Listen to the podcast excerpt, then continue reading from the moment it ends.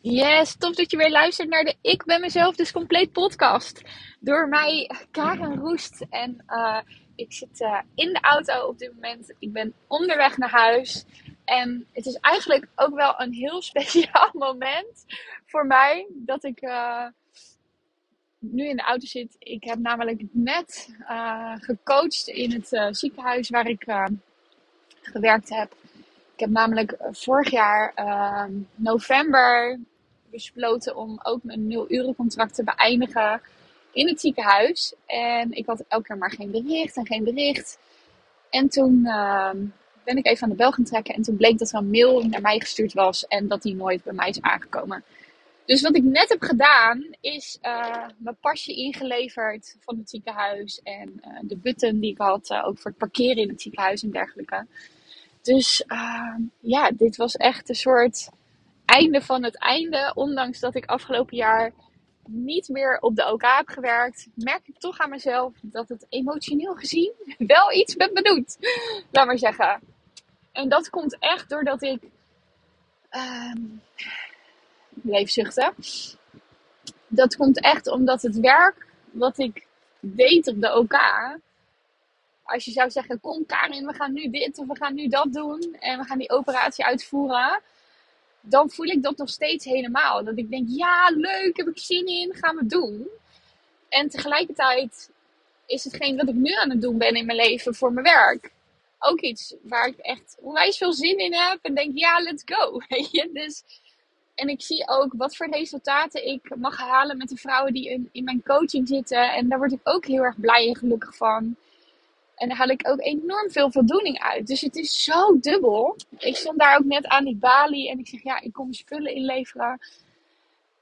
En ik vertelde dat zo aan, aan, aan degene die daar zaten. En ze snapten het ook wel. Weet je, als je dus eigenlijk iets achter je laat, wat je heel erg leuk vond en eigenlijk nog steeds diep van binnen ergens vindt. En tegelijkertijd heb je nog iets anders ontdekt in je leven wat je ook heel erg leuk vindt. En dan denk je misschien, nou Karen, waarom combineer je het dan niet gewoon met elkaar? Ja, dat zou natuurlijk prima kunnen. Alleen inmiddels merk ik dus dat ik zoveel vrijheid heb gecreëerd. Um, doordat ik zelf kan inplannen in mijn bedrijf en in alles wat ik doe. Um, ja, dat, ja, dat ik zelf gewoon eigenlijk mijn hele leven nu creëer. Dat ik niet meer om half acht daar op die tijd wil staan. In ieder geval niet op dit moment in mijn leven. Weet je, misschien op een later moment. Je weet het nooit. Uh, maar niet nu. Dus als je deze podcast luistert, dan is dit dus echt voor mij echt een uh, ja, bijzonder moment. Even kijken, hoeveel is het vandaag?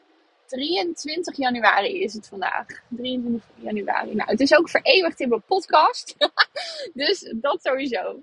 Maar waarom uh, neem ik deze podcast uh, voor je op en wat wil ik in deze podcast met je delen?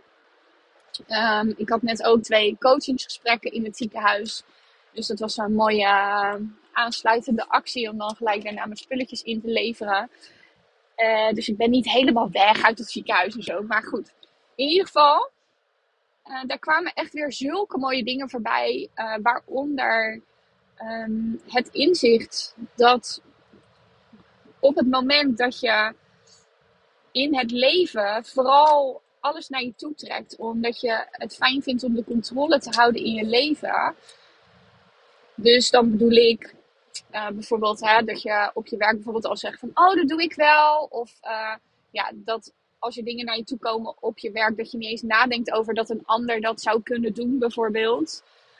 Of uh, dat jij altijd degene bent die bijvoorbeeld alles regelt voor de verjaardagen. Of in je vriendengroep dat je altijd de feestjes organiseert.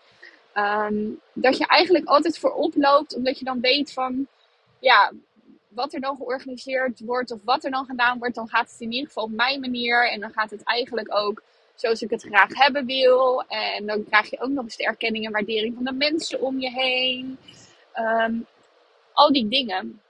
Dus als je jezelf daarin herkent, wat er dan eigenlijk gebeurt, is dat je dus alles naar je toe trekt. Um, en geloof me, dit, ik was hier master in. Hè? Dus dat wat ik nu met je deel, dat heb ik allemaal gedaan in mijn leven. ik was altijd degene die voorop liep. Uh, ze wisten mij altijd te vinden op het moment dat uh, bijvoorbeeld een filmpje gemaakt moest worden. Of er moest weer een flyer in elkaar gedraaid worden. Uh, nou, weet je, het was op een gegeven moment zo toen ik probeerde om van deze patronen af te komen. Dat er een soort sticker op mijn voorhoofd zat met... Oh, dat doet Karin wel. Zo'n sticker. En de eerste keren dat ik toen ging zeggen van nou, dat gaat eigenlijk niet lukken. Of uh, vraag er maar even iemand anders voor. Of uh, ik stak niet mijn hand op. Dan zat iedereen mij een soort aan te kijken van... Hé, hey, maar Kar, jij vindt dit toch leuk? En het was altijd onder het mom van... Ik vind dit leuk om te doen. Maar daar zat een veel diepere, diepere laag onder. Wat de echte reden was waarom ik dat deed in mijn leven. Dus mocht jij je hierin herkennen, weet je, ik dacht altijd, hè, maar enthousiasme kan toch niet slecht zijn? Hoe kan nou iets wat ik vanuit enthousiasme doe, uh, niet goed voor me zijn? Uh, totdat ik echt ging zien waar het echt over ging.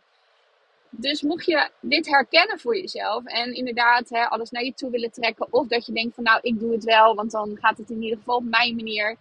Dat gaat allemaal vanuit controle. En wat je eigenlijk doet is, om maar even weer te vergelijken met een taart te maken, want dat doe ik echt heel vaak in mijn coaching. Wat je eigenlijk zegt is van nou ik eet gewoon de hele taart op. Dus stel je zit op een verjaardag en je zou de taart normaal gelijkmatig verdelen. Dat is niet wat jij doet. Dan in je dagelijks leven. Jij denkt gewoon, ik vreet die hele taart in mijn eentje op. Um, want dan kan ik bepalen welke taart het is, uh, wat erin zit, hoe die eruit ziet. Um, en dan is het in ieder geval de beste taart, want dan weet ik waar ik hem gekocht heb. Nou, bladi, bladi, bla. En vervolgens uh, eet je hem dan ook nog eens in je eentje op. Dat is eigenlijk wat er gebeurt. En ik moet nu echt denken aan uh, een situatie waarin ik een taart had gemaakt voor een sollicitatiegesprek. Oh, we gaan even een hele andere kant op. Uh, moest een sollicitatiegesprek doen uh, voor teamleider op een OK. En we moesten een presentatie houden en daar onze creativiteit in leggen. Dus ik had eigenlijk hoe je dus je team als beste kunt neerzetten op een afdeling. Had ik de metafoor van een recept voor een taart voor gebruikt. Even wachten, want er is een vrachtwagen hier. Ja. Dus ik had eigenlijk mijn hele uh, sollicitatie gegoten in een uh, presentatie. Uh, waarin ik dus een taartrecept vergeleek met de ingrediënten van mensen op de afdeling en hoe je daarmee omgaat. Dat. Ja, daar moet ik nu eventjes aan denken. En toen had ik de taart meegenomen naar de sollicitatie. En toen werd het niet op prijs gesteld. Want toen voelde ze alsof ik ze wilde omkopen of zo. Terwijl ik dacht gewoon, ik voeg mijn daad bij het woord en ik neem gewoon die taart mee. Nou, het werd niet op prijs gesteld. Nou, dat even als uitstapje. Dus dat is dus wat je letterlijk dan doet in je leven. Gewoon je hele taart alleen uh, opeten. En dan zou ik zeggen, ja, dat is eigenlijk best wel egoïstisch als je dat doet. En um, de vrouw waar ik een gesprek mee had, die deed dit letterlijk een half jaar geleden. Zij at gewoon alleen die taart op. Uh, en wat er bij haar ook onder zat, was dat ze zich vooral veilig wilde houden in het leven. En dat deze door middel van continu maar alles te doen, naar zich toe te trekken, het voortouw te nemen. Nou ja, je houdt het gewoon weg niet vol.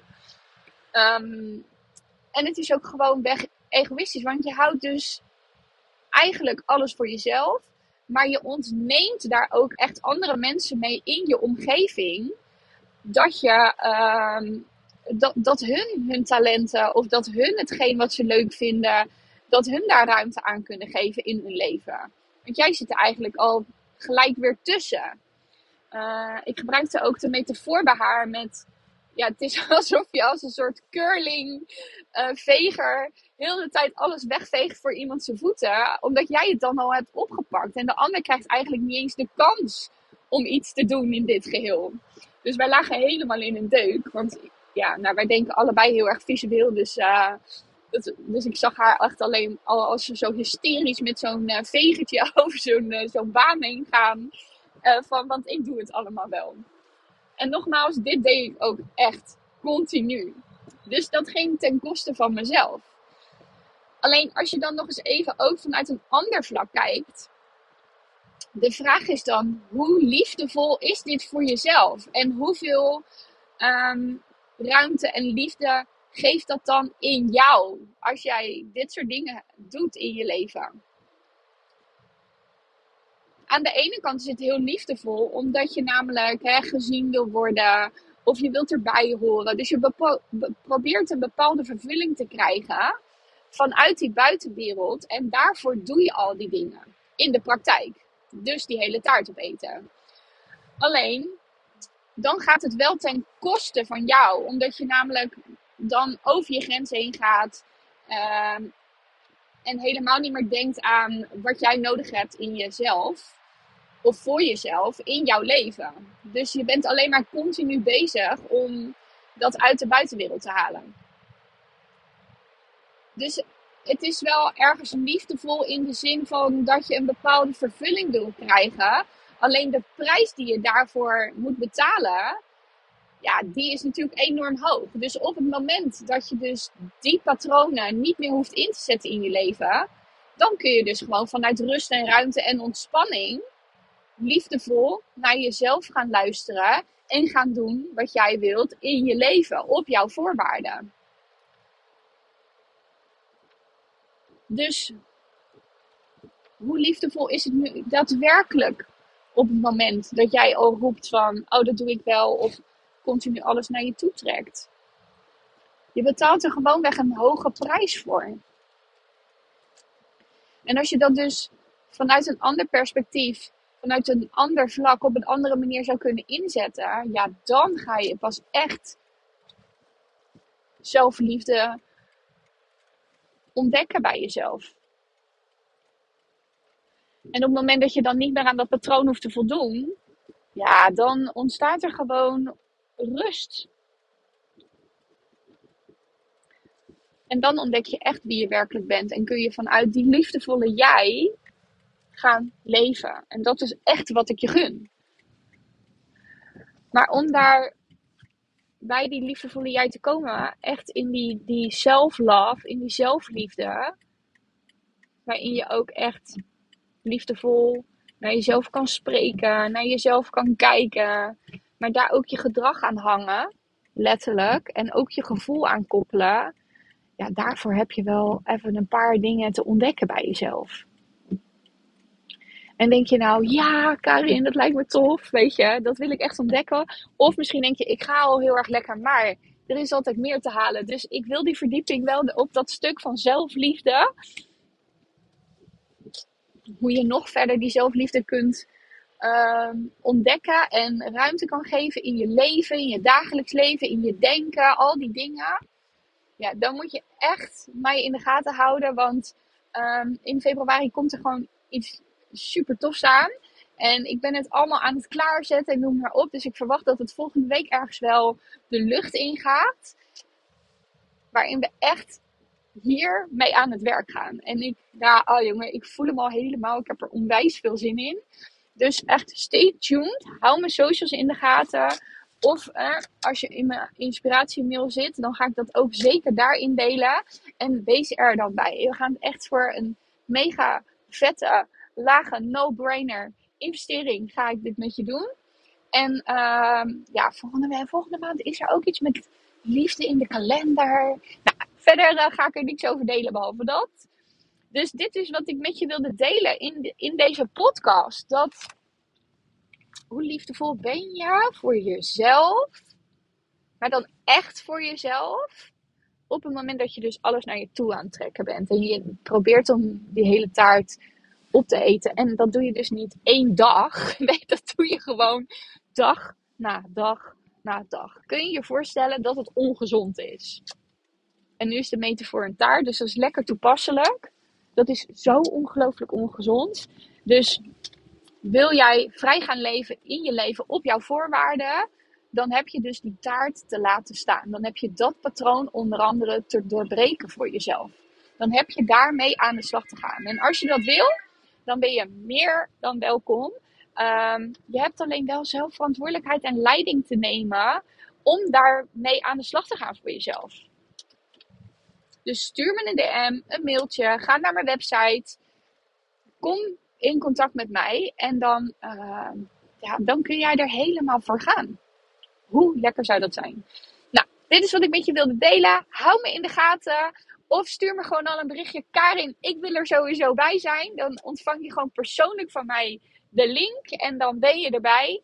Ehm, en dan zeg ik, voor nu verander je verhaal en alles wordt mogelijk. Oftewel, tackle je patroon en alles wordt mogelijk. En uh, tot de volgende podcast. Heel veel liefs.